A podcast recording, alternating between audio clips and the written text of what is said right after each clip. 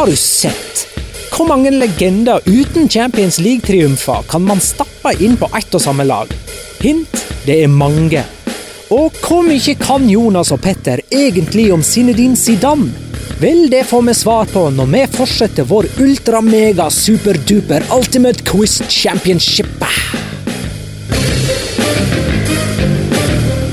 La liga loca. En litt gærnere fotball. Ja, ja, ja, ja. Dette er La Liga Loca, episode nummer 110. Helt, helt ordinær eh, episode med Petter Wæland i Spydeberg. Hei. Hallo! Jonas Giæver i Oslo sentrum. Hei. Shalom in the home. Og Magnar Kvalvik på Bjerke. Hei. For det heter på Bjerke, men i Spydeberg, sant? Eh, ja, det blir jo det. Det er jo i Spydberg. Ja. For det er jo ikke ei ei. Eh, nei, men det er ikke Bjerke heller. Eh, og det er jo ikke Grünerløkka heller. Man sier vel på Grünerløkka. Men det er jo bydeler der, da. Det, jeg veit ikke hvordan man skiller sånne ting. altså. Jeg vet ikke. Um, jeg er dritlei. Jeg er sånn skikkelig drit, dritlei. Uh, så når jeg spør dere nå hvordan går det, og hvordan har dere det, så er svaret jeg er dritlei. Petter? Nei, For meg så går det overraskende bra. Jeg syns det, jo, men jeg syns det, var- jeg syns det var verre i begynnelsen. Eh, fordi da hadde jeg et større sug. Fordi da ble fotballen revet fra meg på mange måter brått, og uten at jeg var klar over det. Nå har jeg klart å tilvenne meg det, og ja, jeg syns det går eh, greit. Jonas? Nei, jeg er dritlei. Uh, synes det her begynner å bli uh, greit nå, men uh, det går jo også litt på det med at fotballen er borte, og at eh, det er, eh, om ikke alltid altså Med tanke på at vi ikke kan være sosiale i samvær med andre, så har i hvert fall fotballen på en måte samlet oss, i hvert fall foran TV-skjermen, og vi kunne diskutere det over sosiale medier, men jeg føler jo at eh, å sitte og diskutere fotballkamper som ble spilt i 2003 og 1994 og sånt, og det, det var utrolig gøy en uke eller to, og så nå har det blitt veldig, veldig mye av det, og da føler jeg at man har liksom snakket det litt i hjel, da. Så da skulle jeg likt å se at det skjedde noe nytt, men det, det gjør det jo ikke. Vi sitter jo og venter på at det kommer en endelig bekreftelse på at vi kan få se noe ordentlig aktuell fotball igjen. Ja, Vi kan nok historie nå, liksom. Nå, nå Ja. kan vi all historie. Det er helt riktig. Nå er vi ferdig med det. Det er helt riktig. Eh, nei, men uh, i denne episoden så må vi jo snakke litt om eh, ståa i Spania. Nytt siden sist, uh, liksom. Og så har vi altså en quiz, og så skal vi sette sammen vil si, dere to har fått æra av å sette sammen et, en elver bestående av spillere som spilte Champions League, men aldri vant. Og liksom den beste eh, tenkelige elveren i så måte. Ellers eh, ståa i Spania er Uh, jævlig. Uh, det er over 12 000 døde nå. En av dem er jo mor til Pep Guardiola, som vi fikk nyss om uh, bare et par timer før vi trykte på opptaksknappene. Sånn som jeg forsto det, så var hun i Barcelona.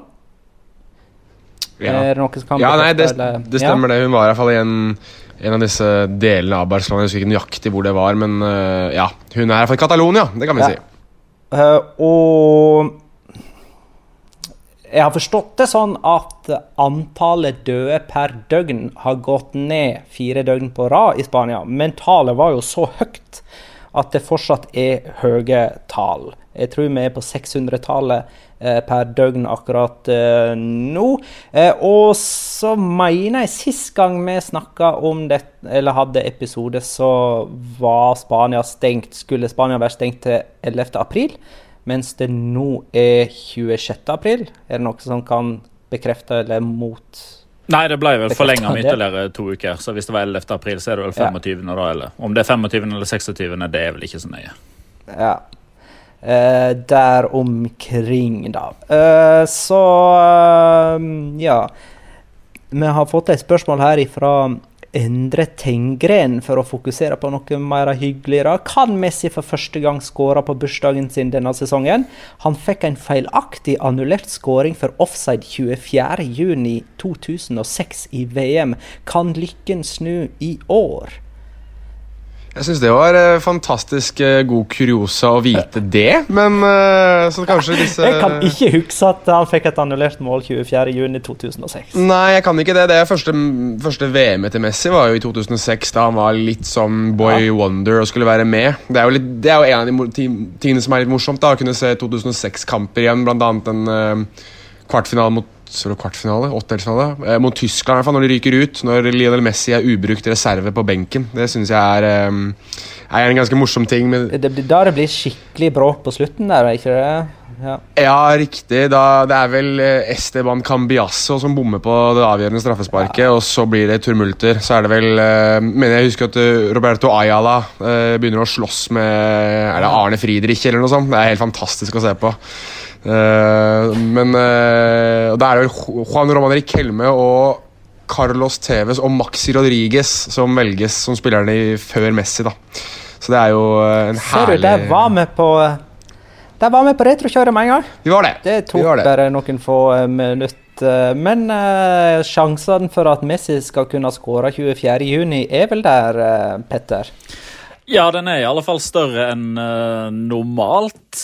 Uh, samtidig så begynner man vel òg å kanskje innse at uh, fotball i juni òg er litt optimistisk. At det er juli og august som kanskje er redninga. Men her endres det jo fra, fra dag til dag, og det virker jo som at La Liga og det spanske fotballforbundet og Uefa bedriver mer ønsketenkning og gjetning enn at det er noe kvalifiserte meninger bak det. Og det er jo helt åpenbart, fordi dette er en situasjon vi aldri har vært i før.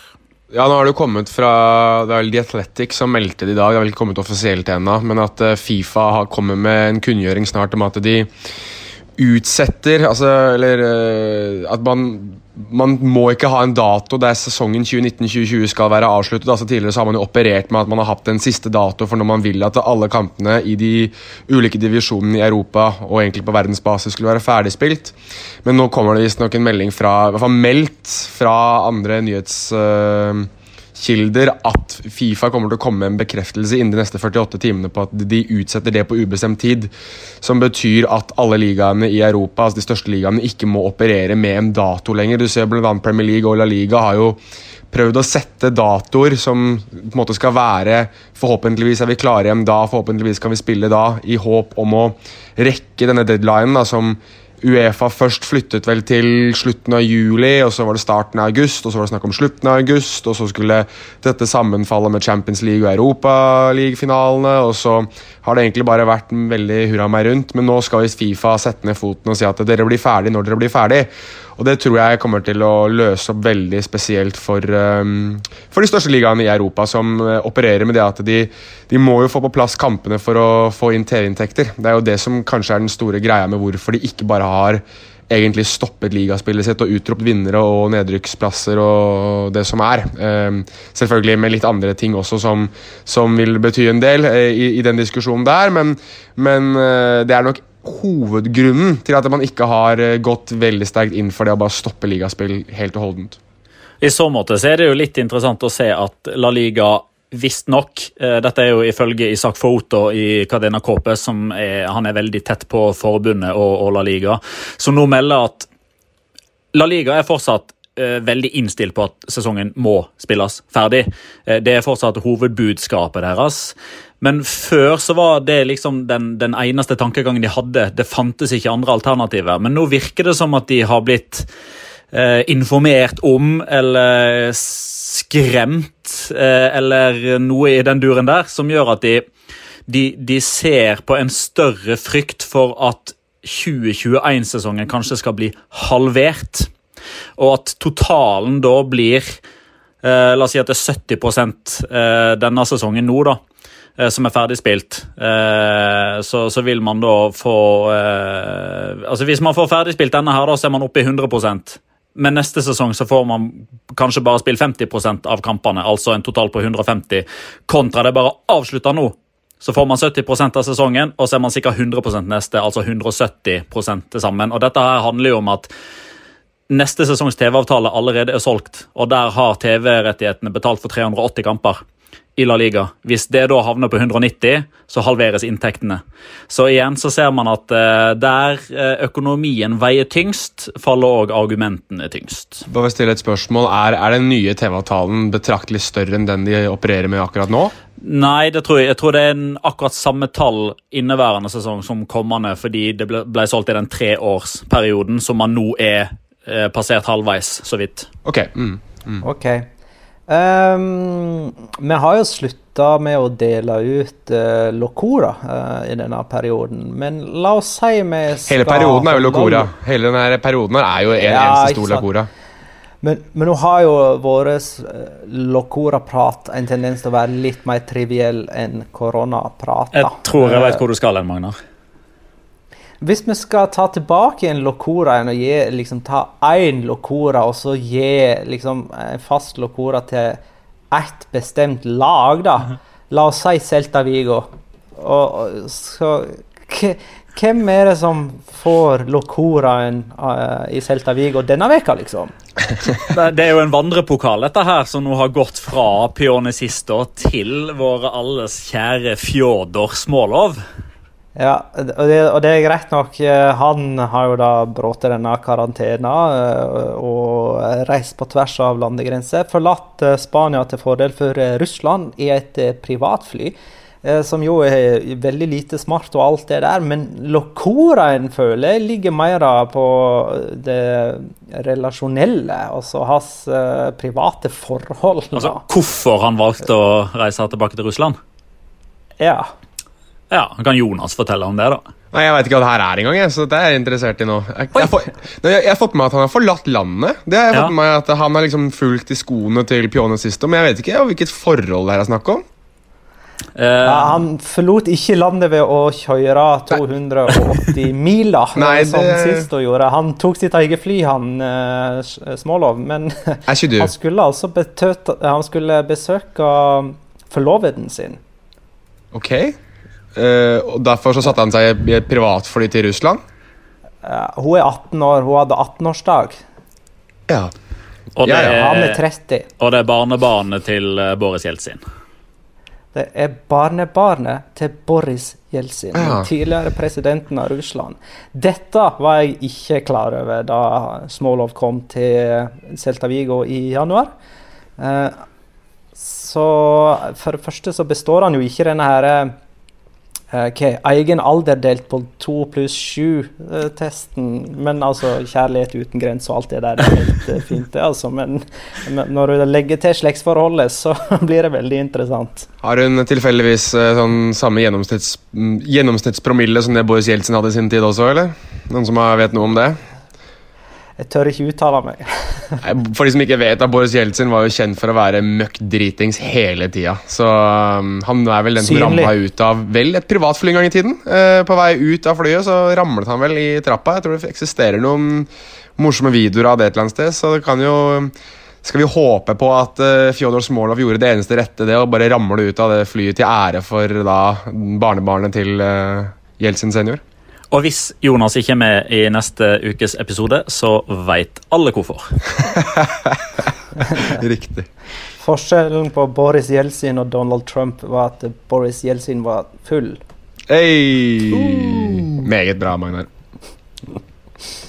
Ja, det var en vits. uh, nei, men veit du hva vi skal? Vi skal gå i gang med quizen. Kult. Det står 2-1 til Jonas etter quiz nummer to. Eh, Det var om Ronaldo, der Jonas vant med overlegne 7-3 i den eh, duellen. Eh, Den første quizen endte jo uavgjort, så der fikk dere jo et poeng hver. Så 2-1 til Jonas etter Ronaldinho og Ronaldo-quiz. I dag Zinedine Zidane. Og siden Petter fikk eh, første spørsmål sist, er det Jonas som får første spørsmål i dag. Jonas, det var først som Juventus-spiller fra 96 til 2001 at Zidane virkelig ble stor, men fra hvor hen ble han kjøpt av Juventus? Uh, oh, han har spilt i to franske klubber, vel. Men hvem var det han var i sist, da? Uh, oh, jeg tror det var Bordeaux, jeg. Det er riktig, og ett poeng til Jonas. siden han slo igjennom sammen med sleke som Dygari og eh, Lisa Rassou i Bordeaux. De spilte Uefa Cup-finale mot Bayern i 1996. En liten kuriositet. Ja takk, sier uh, Kenny Daglish ville ha Zidane til Blackburn i 1995, men det fikk han ikke tillatelse til av klubbsjefen Jack Walker, som sa Why would you want to sign Zidane when you've got Team Sherwood? OK. OK. Ja. Til ettertanke der, altså. Petter. Ja. Zidane spilte mye sammen med en landsmann på midtbanen til Juventus. Hvem var det? Altså en, en franskmann i Juventus? Mm -hmm. um, da er vi vel ja, da, Ja, eh, da er vi på Didier Deschamps, er vi ikke? Helt riktig. Ett poeng til Petter. Det står 1-1 etter at laget har fått et spørsmål hver. Jonas! Her er det faktisk mulighet til å skaffe seg tre poeng. Oi. Zinedine Zidane kom til Juventus i 96. Da hadde de akkurat spilt Champions League-finale. De to første sesongene med Zidane på laget kom de òg til Champions League-finale. De spilte med andre ord tre Champions League-finaler på rad.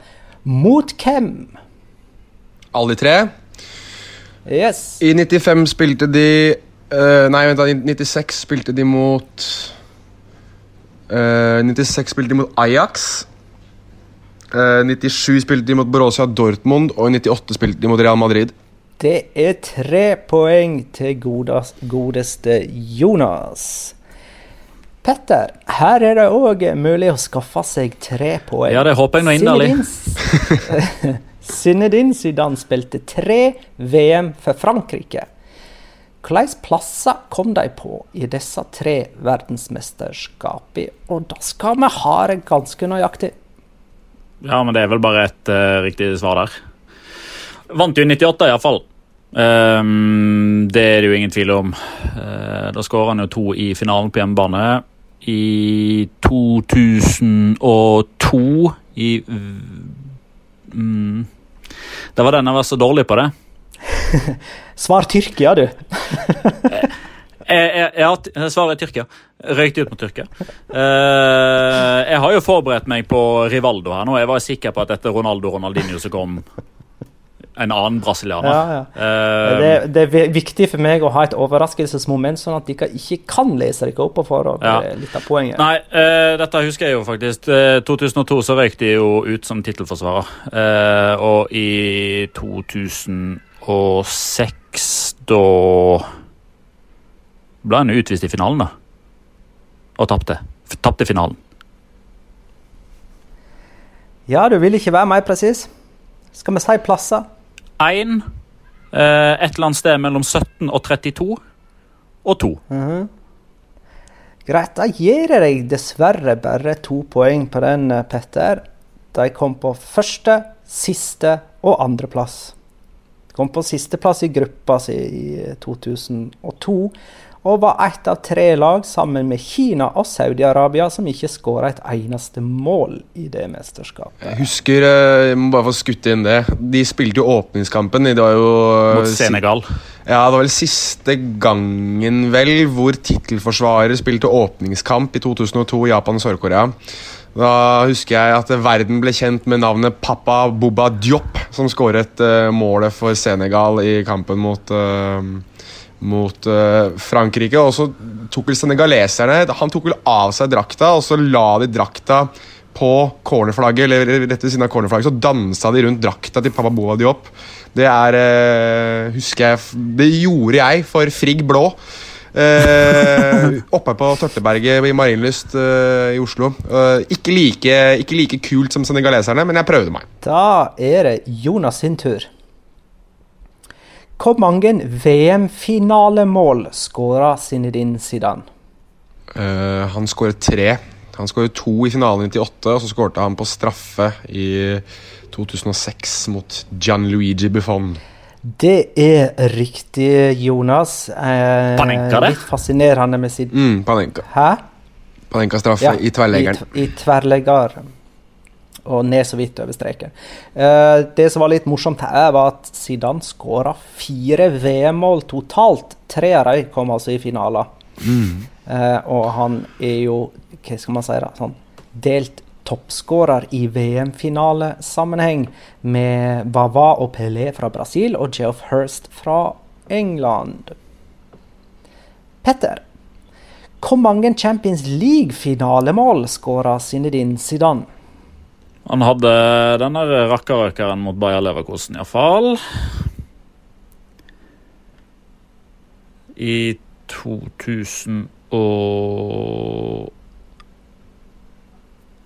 2001 Jeg tror ikke han skåra i finalen mot Valencia der. Juventus i 98 Ah, Jeg tror han bare skåra det ene. jeg. Ett. Helt riktig, Petter. Han skåra ett Champions League-finalemål, og det var jo til gjengjeld eh, veldig minneverdig. Det var i 2002, hans første Real Madrid-sesong. Og den ene gangen han vant Champions League. Eh, da tror jeg vi er kommet halvveis i eh, denne quizen om Zidane. Så i, før vi går videre med andre halvdel, skal dere få lov til å sette opp uh, dette Champions League-laget deres. Det vil si et uh, lag bestående av spillere som ikke har vunnet Champions League, men spilt i Champions League-æraen. Mm. Dere kommer fram til en elver, eller? Ja, sånn halvveis i hvert fall. Men det, 95% det er verdt, i hvert fall verdt å nevne da, at eh, det er noen som vil sky sikkert skyte inn at eh, sånn som Diego Maradona og Pelé nevnes jo ikke her. For det som du sier, Magnar, det er jo Champions League-eraen som da blir 92 og utover. Så alt som kom før det, det eksisterer da ikke. Ja, 92-93. Ja. Har ikke lagt dere på den lista at de må ha spilt i eh, Champions League? Ja, det må de. Det tror jeg de alle, alle, de, alle de jeg har i hvert fall på min liste, har spilt Champions League. Ja. Ja. For det, nå, nå, må, nå måtte jeg begynne å tenke Er det noen sånn skikkelig gode som aldri engang kvalifiserte seg? Matt Letizier. Han spilte aldri Champions League. Han hadde jo gått rett inn på dette laget her eh, om ikke det var tilfellet. Tja. Ja, mulig. Ok. Min store YouTube-favoritt. Hvis, altså, hvis jeg skal sette meg ned og se en YouTube-kompilasjon av skåringer, eh, så er det Matt Letizier det går i. Ja, det er jo om Men det. eh, sk ja, skal uh, dere begynne med keeper, da? eller? Ja, jeg kan ta den, eh, jeg da, og så tar du nestemann, Jonas, siden det var din mann. Ja. Uh, men vi er jo alle enige for så vidt her om at det er Buffon som uh, dessverre aldri har klart det.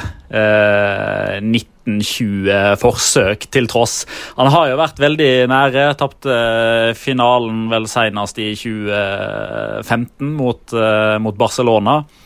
Eh, det er jo primært Juventus han har forsøkt for, men òg PSG var jo Det at han dro til PSG eh, i sånn noenlunde samme tidsperiode som Neymar, var jo òg med på liksom Gjorde at man kanskje tenkte ja, skal det, liksom, skal det endelig lykkes for eh, Buffon? Men nei. Han tapte vel finalen i 2017 nå, han, mot Real Madrid. Han sto vel i mål da òg. ja. Så han har, han har hatt tre finaletap, eh, som er ganske vanvittig. En annen som har tapt finale, er jo mannen Altså, Bekkene var jo vanskelig å velge, da. Altså, jeg synes det var, Der var det ikke så veldig mange navn, men han på høyre bekk har tapt én Champions League-finale, og det var med Buffon eh, for Juventus. Lilian Turam. eh, VM-vinner, eh, og egentlig en en litt sånn småundervurdert spiller, synes jeg. Som, han var jo først back, og så ble han midtstopper. Ordentlig hardhaus. Litt sånn no nonsense-type spiller som samtidig kunne raide fram med ballen, men eh, Vanvittig god, men, eh, og definitivt en som burde inn på det laget, så Lilian Turam blir, eh, blir høyreback. Og så Den ene midtstopperen eh, er jo en som har blitt kåra til verdens beste fotballspiller i sin tid, i 2006, da han ble verdensmester. Men Champions League-bøtta har han aldri klart å løfte, verken for Juventus, for Real Madrid. Eh, eller noen av de andre klubbene han spilte for. Eh, Parma var jo eh, på mange måter litt sånn oppe og nikka der. Inter, Napoli har vel kanskje ikke vært de store favorittene i den tidsepoken han var der, men er jo, han er jo kjent som en av de bedre midtstopperne gjennom alle tider som holdt det gående i, i 20 sesonger på toppnivå. Men Champions League vant Fabio Cannavaro aldri. Jeg er litt usikker på om vi skal gå for franskmannen og flytte italieneren ut på bekken, eller om uh, vi skal ha to italienere til. Men uh, jeg får trumfe gjennom å ta franskmannen, ja, derfor jeg synes han også er en sånn som du ikke nevner man ikke nevner altfor ofte. Laurent Blanc han uh, spilte jo Champions League for, um, for Inter, han spilte for Barcelona, han spilte for Manchester United. Jeg tror ikke han spilte noen Champions League-finale. Men uh, han var jo med å vinne både EM og VM med Frankrike, og var jo i sin tid kanskje den mest elegante midtstopperen som var i, i verdensfotballen. Um, men det har aldri blitt noen sånn europeisk uh, suksess uh, på, i, i klubbfasong for stakkars Laurent Blad, til tross for å ha prøvd med uhorvelig mange klubber og i uhorvelig mange år. Han hadde en ekstremt lang karriere. Han startet vel som offensiv midtbanespiller og ble flyttet lenger og lenger bak i banen jo eldre han ble. så han får en plass på, på midtstopperplass uh, hos oss. Ja, Det betyr vel da at eh, vi flytter han som primært kanskje er mest kjent som stopper, men som har eh, spilt venstreback og som er venstrebeint. Så da uh, må det være lov å flytte Giorgio Chiellini ut på eh, bekkene der, der, blir det på mange måter litt den samme si, begrunnelsen av karriereveien som Gianluigi Buffon. Det ble finaletap i, i 2017, det ble finaletap i 2015, selv om han vel ikke spilte den finalen. Eh, men han var jo med på eh, hele reisen der, eh, så ja, Det er mye fransk og italiensk foreløpig. Jeg må jo bare si det at når vi gikk gjennom liksom, i brainstorma i hodet og alt sånt, så det er mange spanjoler som er diskvalifisert fra dette laget her. Det er veldig mange. Det er ekstremt mange. Uh, men vi må kanskje spille en spansk formasjon. 4-3-3-ish. Det blir jo kanskje en litt smal 4-3-3, hvis jeg skjønner det på angrepsplassene vi har tittet på, men uh, jeg, jeg, må På et lag som det her, så må jeg ha med Michael Ballack. Og det er fordi Michael Ballack har tapt to Champions League-finaler. Han har tapt én med Bayer Leverkosten, som var Residans store kveld. Og så tapte han eh, i 2008 mot Manchester United eh, med Chelsea i, eh, i Moskva.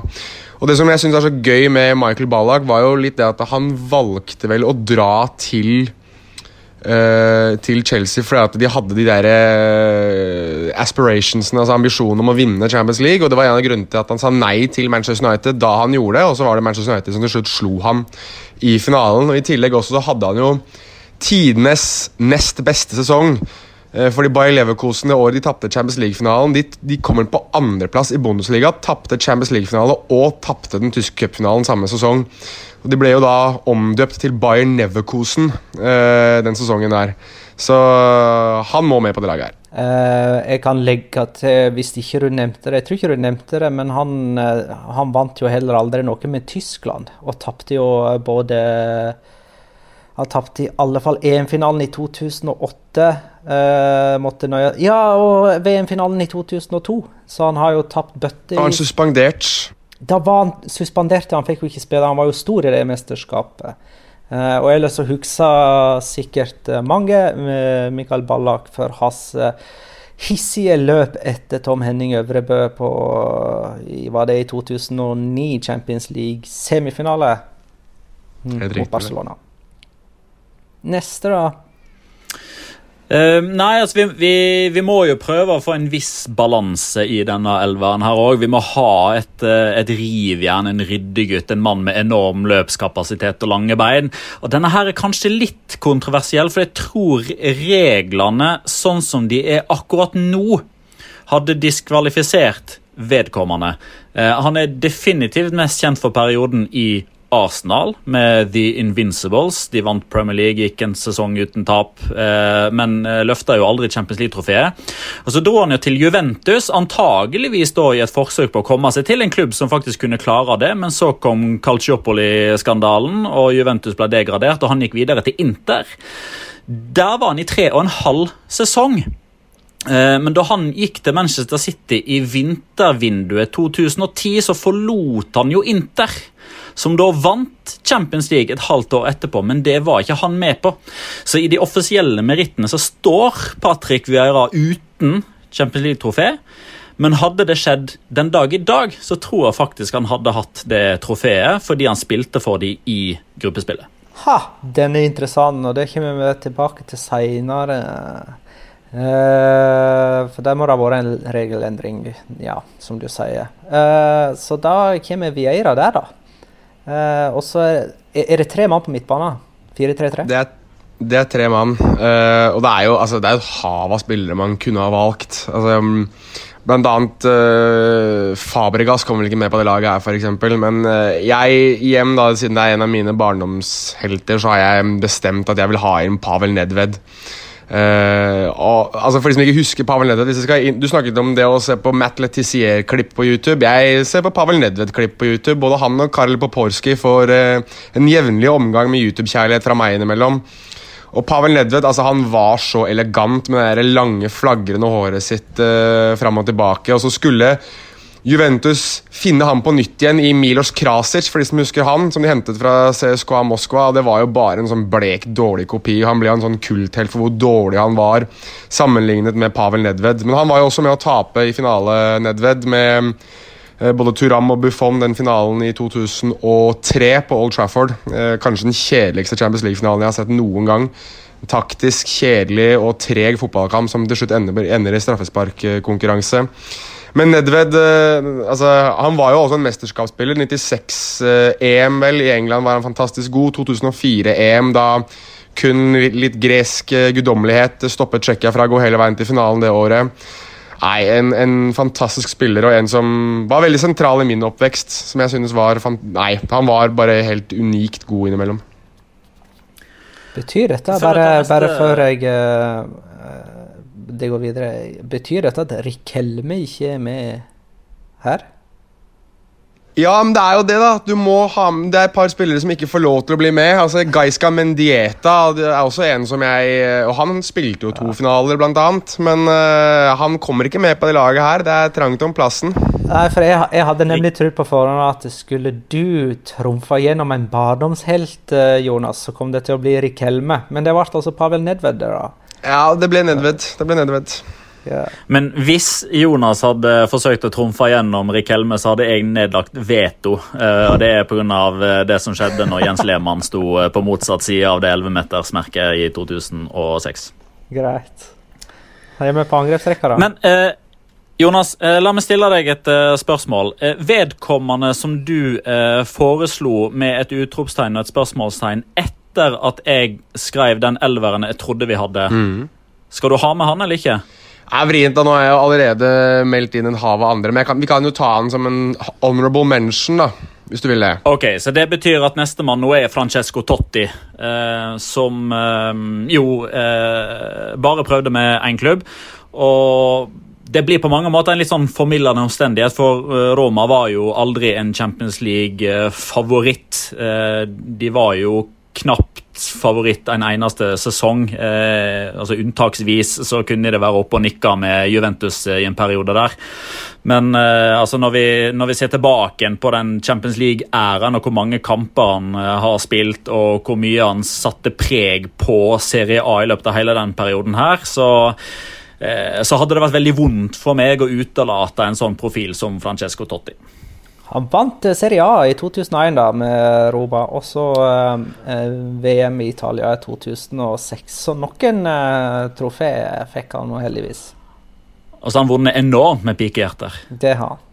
Det har han også. Det er kult at du nevner den uh, Serie A-tittelen der, Magnar. For han jeg vurderte veldig å mase inn, var jo Gabriel Battistuta. En annen som var eh, en barndomshelt av meg, men jeg kan ikke ha med alle. Og igjen, Fiorentina var jo ikke i nærheten noen gang egentlig å kjempe om noen Champions League-tittel, så det hadde vært litt sånn rart hvis jeg skulle ha mast han inn, men en vi er alle enige om at det må med, er jo en mann som nesten har virket sånn masete i form av hvordan han skal prøve å vinne Champions League, og det er jo Zlatan Ibrahimovic. Han har jo byttet klubb i håp om å vinne det som er av Champions League-titler i sin karriere, med Juventus, med Inter, med Milan, med Barcelona.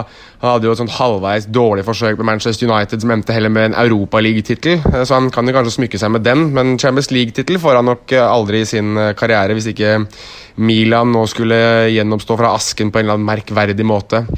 Eh, men Zlatan kommer nok for alltid til å ha det stående som den ene tittelen eller den ene bragden han manglet i sin karriere, det å vinne Champions League, til tross for at han har gått fra liga til liga og fra storklubb til storklubb og nesten vunnet overalt. Eh, så er det den tittelen han mangler. Så Zlatan eh, må inn på det laget her.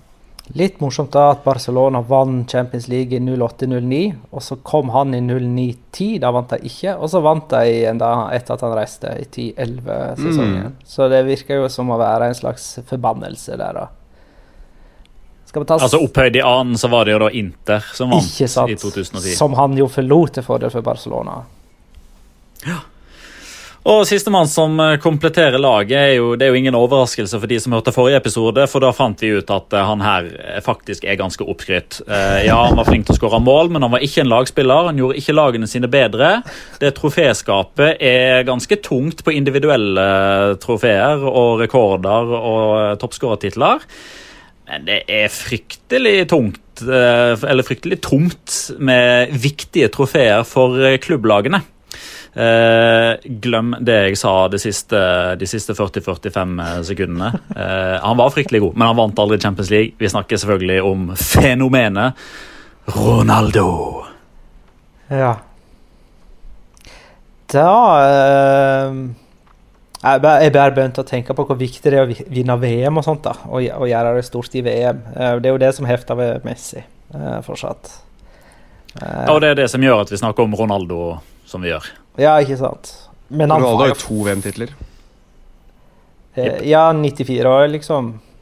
Han var liksom 23.-22. mann den, uh, i den troppen der, så han ja. har faktisk to VM-titler. Han spilte ikke. Han var med som sånn læregutt som 17-åring, husker jeg. Mm. Mm. Eh, ja, men da har vi jo et lag. Hvem var det det svei mest å holde utafor? Og dessuten, en annen ting. Eh, har jeg bare tatt for gitt at Buffon og Kielini og Zlatan bare De kommer ikke til å vinne dette her. Det kommer jeg drite i liksom. Nei, men de, må, de må med enn så lenge, er vel kanskje det som var mantraet her. At uh, Buffon og, og, Altså Spesielt Buffon er jo Hva da? 69 år gammel nå. Så han er nesten så han bare spiller til han vinner Champions League. Så jeg må nesten gå ut ifra at han Eller vi må nesten gå ut ifra at han ikke kommer til, uh, til å klare det. Uh, men av spillere som var vrient å, å utelate, så tenkte jeg liksom Dennis Bergkamp for eksempel, vant jo aldri eh, Champions League. Det, han er jo en sånn type som du kanskje hadde forestilt deg at skulle vinne et eller annet i løpet av sin karriere. og Det gjorde jo ikke Ruud van Nistelrooy heller, for å ta en annen nederlender. Uh, han prøvde jo også med et par ganske store klubber. Uh, Ernan Crespo burde jo, i, med all logikk i verden, vunnet Champions League i 2005 med Milan. Uh, det gikk jo ikke. Og han var vel ikke med i 2007, for da var det Filippo Insage som var den store. George Weah som uh, spilte for uh, Milan på 90-tallet, da de hadde ett og annet gull, vel. Uh, han var ikke med å vinne, så um, det er en del ganske feite navn som står uten Champions League-tittel når man går litt igjennom listene for å se hvem det er som mangler. Roberto Baggio for eksempel, vant heller aldri Champions League. John Barnes. John Barnes Har spilt ja. aldri Champions League heller, tror jeg. Rivaldo vant vel aldri Champions League. Var han med det ene året Milan gjorde, kanskje? Jeg er litt usikker. Aymar vant han? Aymar vant, vant aldri. Rikelme vant aldri. Mendieta vant aldri. Um, du kan liksom bare ta det der eh, Valencia-laget. Altså Santiago Canitares vant aldri. Ja, Apropos det her, du Jonas. For eh, du ba jo om uh, forslag fra våre lyttere om type elvere å sette sammen. Uh, i disse episodene, så har jo Anders Nerdrum tipsa oss, oss, om å sette sammen tidenes elvere fra ulike klubber i Spania. F.eks. så så jeg jo her eh, på Twitter noen som satte sammen en tidenes Viareal-elver. Og det ble ganske saftige greier til en nedrykkstrua klubb å være. uh, og det, Ja, ja. det kunne ha vært interessant Koronatidene tar ingen gisler. Det kunne ha vært interessant eksempel, å sette sammen en tidenes Valencia-elver. Den hadde fort sett ganske saftig ut, altså. Eh, eller de, i vår levetid, kanskje. Hvis vi skal ta liksom, da fotball begynte i 1992. Er ikke alle enige om at det var da det starta? Jo, riktig. riktig. Ja, men hvis, hvis man gjør det, så er jeg med på å prøve å sette sammen eh, kanskje Kanskje vi skal ta siden altså, Det er jo blitt litt sånn tydelig hvilke lag vi holder med, vi tre. Vi er jo, ingen av oss holder jo med de tre store, Atletico Madrid, Real Madrid og Barcelona. Det er jo Sevilla, Villarreal og Valencia som på en måte er våre tre klubber. Så vi kan jo prøve å sette opp Valencia, Villarreal og, og uh, Sevilla. Elvere fra vi begynte å følge dem, eller fra vår levetid. Som, Jeg er med. så det hadde vært gøy å prøve på det. Går an det, altså. Går an det. Men dette var et uh, artig lag. Uh, vi får sikkert reaksjoner på det på Twitter. Jeg, jeg håper nesten det. Jeg håper det, jeg òg. Eh, Da skal vi få en avgjørelse i eh, The Ultimate Zinedine Zidane-quiz. Det står eh, Hva blir det? 5-4 til eh, Jonas etter at jeg har fått tre spørsmål hver. Skal vi se. Vi begynner med Jonas. I EM 2004 møtte Frankrike England i gruppespillet.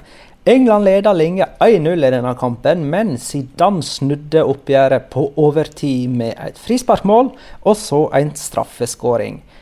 Hva var spesielt med straffen, eh, og som vart, fikk ganske mye oppmerksomhet i ettertid?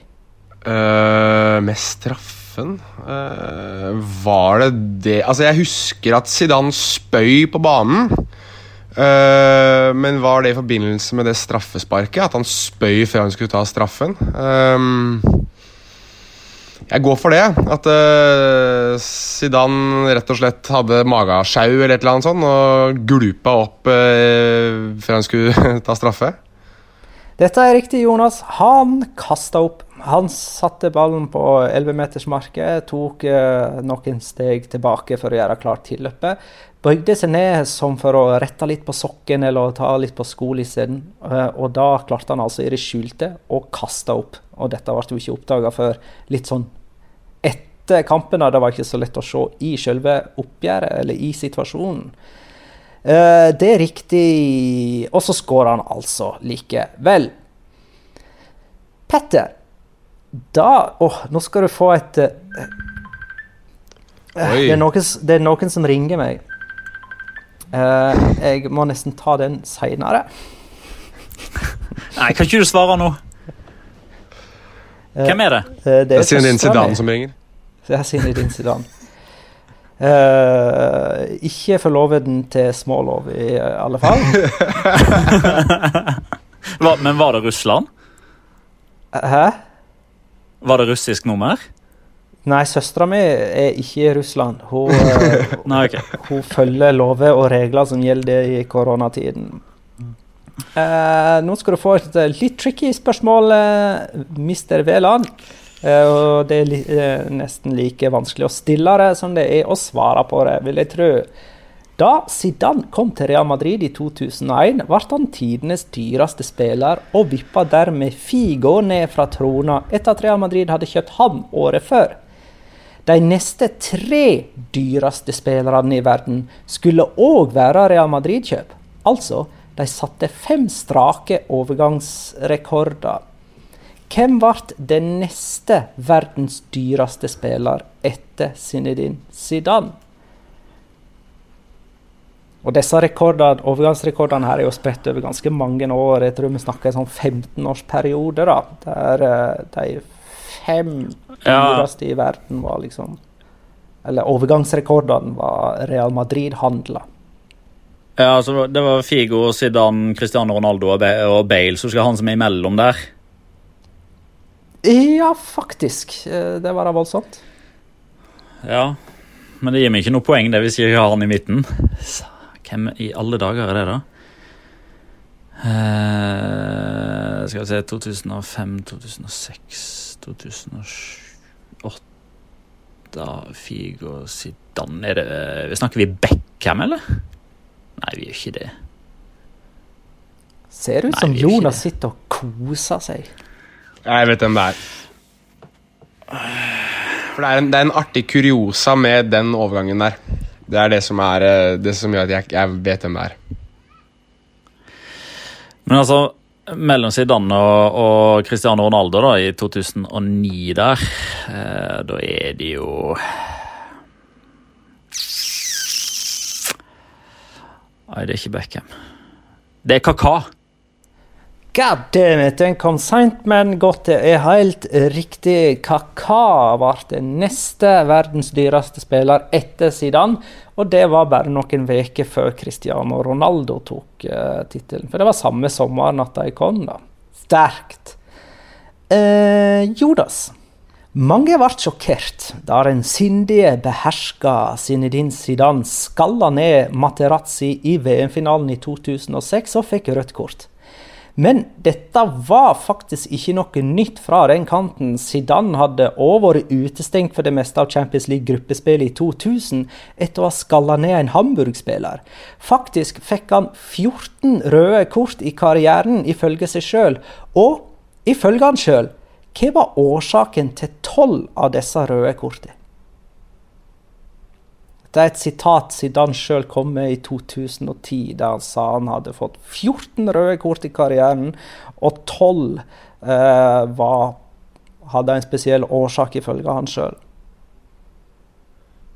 Øh, Tolv uh, spesiell årsak Altså, Jeg vet jo hva årsaken var til han skal i Materazzi. Øh,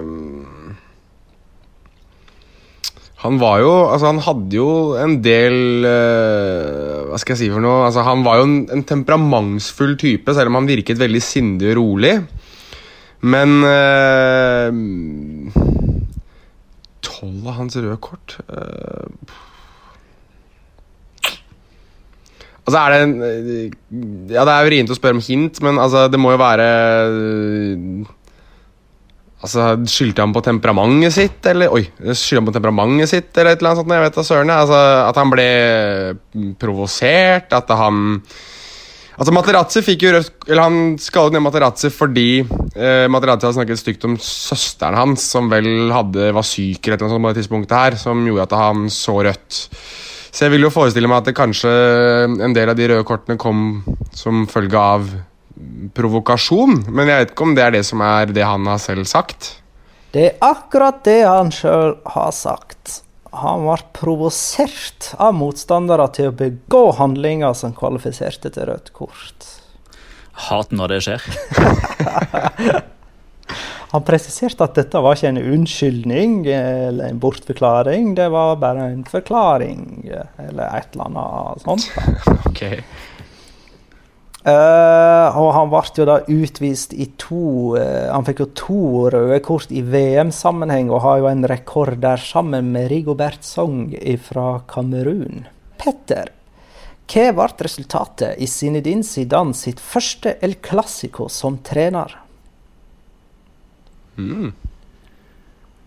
Første El Clásico som trener. uh, da er vi tilbake igjen i 15-16 De Det var jo Benitez fikk jo fyken etter at de ble smadra på hjemmebane, så dette er jo på Camp Nou. Uh, og der har de jo ganske gode resultater de siste årene.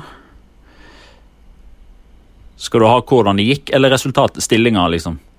Ja, altså hvis det er sånn Barcelona-Real Madrid, så er det Ja, men det er ikke de vant, eller de spilte uavgjort, eller Ja, nei, Du skal ha liksom 1-1 eller 0-2, eller riktig.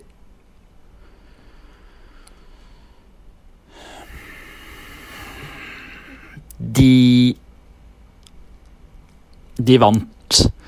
Men jeg husker ikke om det var 1-0 eller 2-1 eller 3-1 eller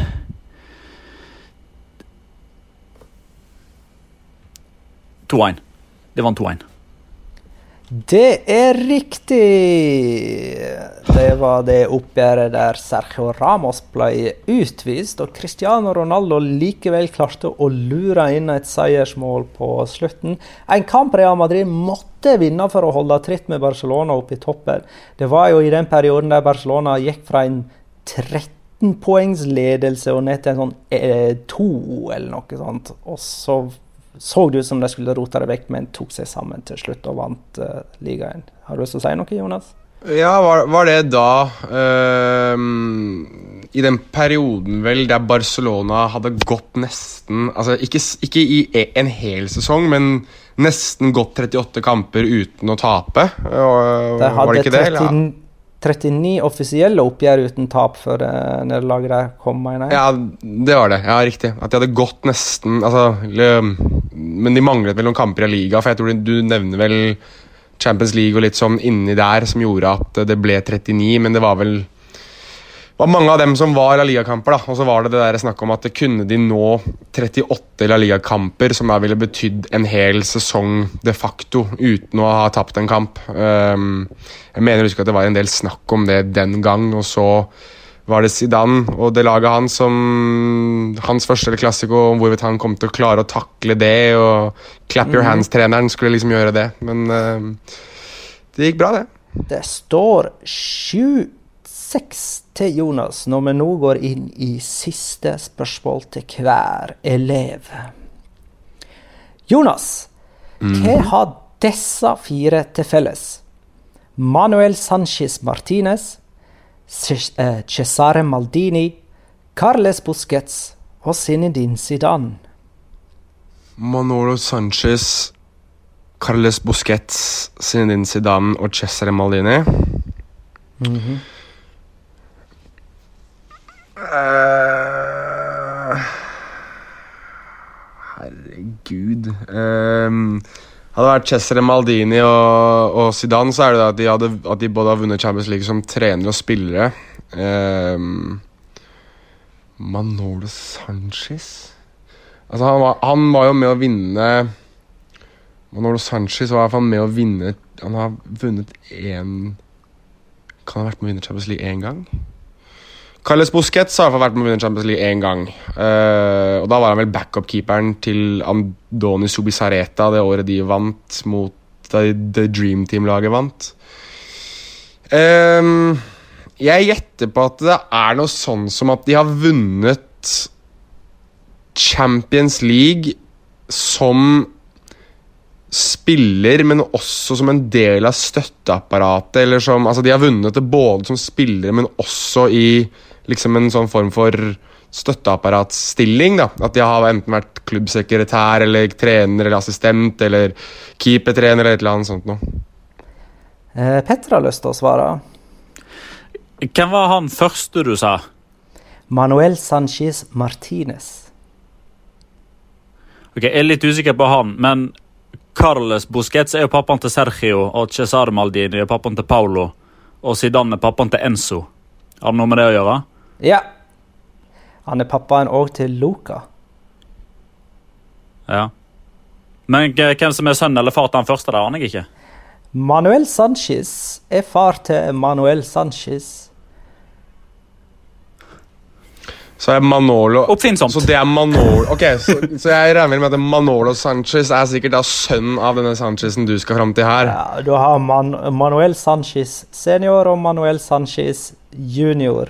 Og det som er felles her, er at dette er fedre som har vunnet Europa, den gjeveste europacupen, og som har sønner som har vunnet den gjeveste europacupen. Ah, eh, okay. Og den der med Lucas Zidane der er jo interessant med tanke på den du nevnte om eh, Vieira, Petter. For Lucas Zidane spilte jo faktisk ikke Champions League, men han var registrert som deres tredje keeper i 17-18-sesongen, og har fått ja.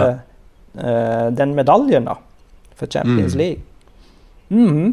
Så der røk altså Jonas og Petter kan redde et viktig poeng i denne fantastiske ultra-mega-super-quiz-championshipen. Jeg liker at du husker spørsmål. det hver gang.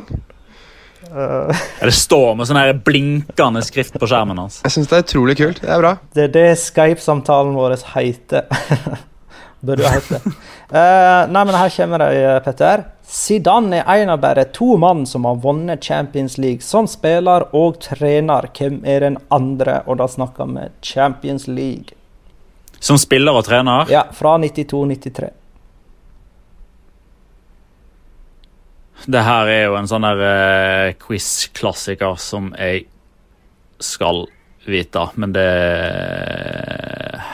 Her må jeg tenke litt. Zidane og mm, mm, mm, mm, Da må han jo ha vunnet Altså, både da han vant som spiller og trener, så var det Champions League begge gangene. Ja. Det er sånn å forstå? Ja. Mm. Så det er jo et par av de her litt for gamle, så da er det Skal vi se Jeg må, må bare tenke litt høyt der. Uh, Angelotti er det jo ikke. Zidane er det. Louis Henrique er det ikke. Mm -hmm, bu, bu, bu, Ferguson er det ikke. Går det gjennom hvert år nå? Bakover? ja, men jeg må jo prøve å komme meg fram til det. Mourinho er det ikke. Fanken var det i 20 som trener for Bayern, da. Det var jo eh, Det var han Ikke han. Ikke Bayern-treneren. Jo Heinkes. Nei. Ja, nei, det kan ikke være han. Eh, Guardiola Kan han ha vært med Vant de på 90-tallet der med Krauf? Det hadde vært for sykt om det var Zidane Guardiola der òg.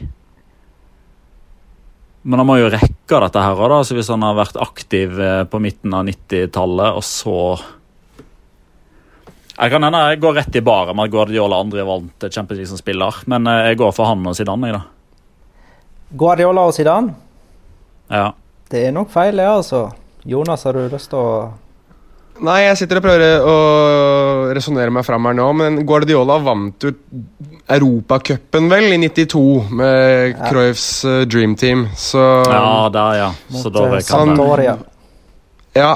Øh, men jeg satt og prøvde å resonnere Altså, Roberto Di Matteo øh, var liksom den siste jeg satt og tenkte på, at, sånn, som kunne rekke det. Som på en måte hadde Men han var vel ikke med å vinne med noe Juventus-lag, han, tror jeg? Nei, det er en Barcelona-trener, altså. Er det Luis Henrique, da? Er det Luis Henrique? Nei. Hva er det vi har, er det vi har klart å drite oss ut på nå, da? Barcelona-trener og Ajax-spiller. Ikke Johan Cruyff. Nei, dette er Frank Rijkaard. Ah, ja, selvfølgelig. Mm, 2006. Jøss, det, det, det, det, kunne jeg kunne ikke mate det ut av dere, eller trykke det ut av dere. Ah, det er bra. Det er bra. Grattis, Jonas. Takk. Da Takk. er det 3-1 til Jonas i eh, denne Nå skal ikke jeg uh, si det mer ganger. Altså, denne quizen. Uh, nei, men så kult. Uh, da har ikke jeg noe mer på jeg trøst, programmet. Jeg trøster meg med at vi ligger an til en best av elleve, så jeg har fortsatt tid på meg. best av elleve? det blir mange quizer denne våren. Ingen problem. Jeg tror ikke La Liga sparker, opp i, sparker i gang igjen med det aller, aller første. Ja, men uh, takk, takk, for følgere, folkens. Uh, og så får jeg tenke ut et uh, sånn her kjempelag å sette sammen til neste episode. Det skal klare. Men, men, men, men skal, skal, du ta Sevilla, da, Magna? Og så tar Evia Real, og så tar Jonas Valencia? Eller skal vi diskutere dette her på bakrommet? Jeg tror vi, vi må diskutere det dette på bakrommet. ja, ok, greit. Det, det digitale internettbakrommet. Også ja. kjent som Facebook Messenger. Korrekt. Ok. Da, okay. Tusen takk for innspill. og Tusen takk for at du lytta, kjære lytter. Ha det, da.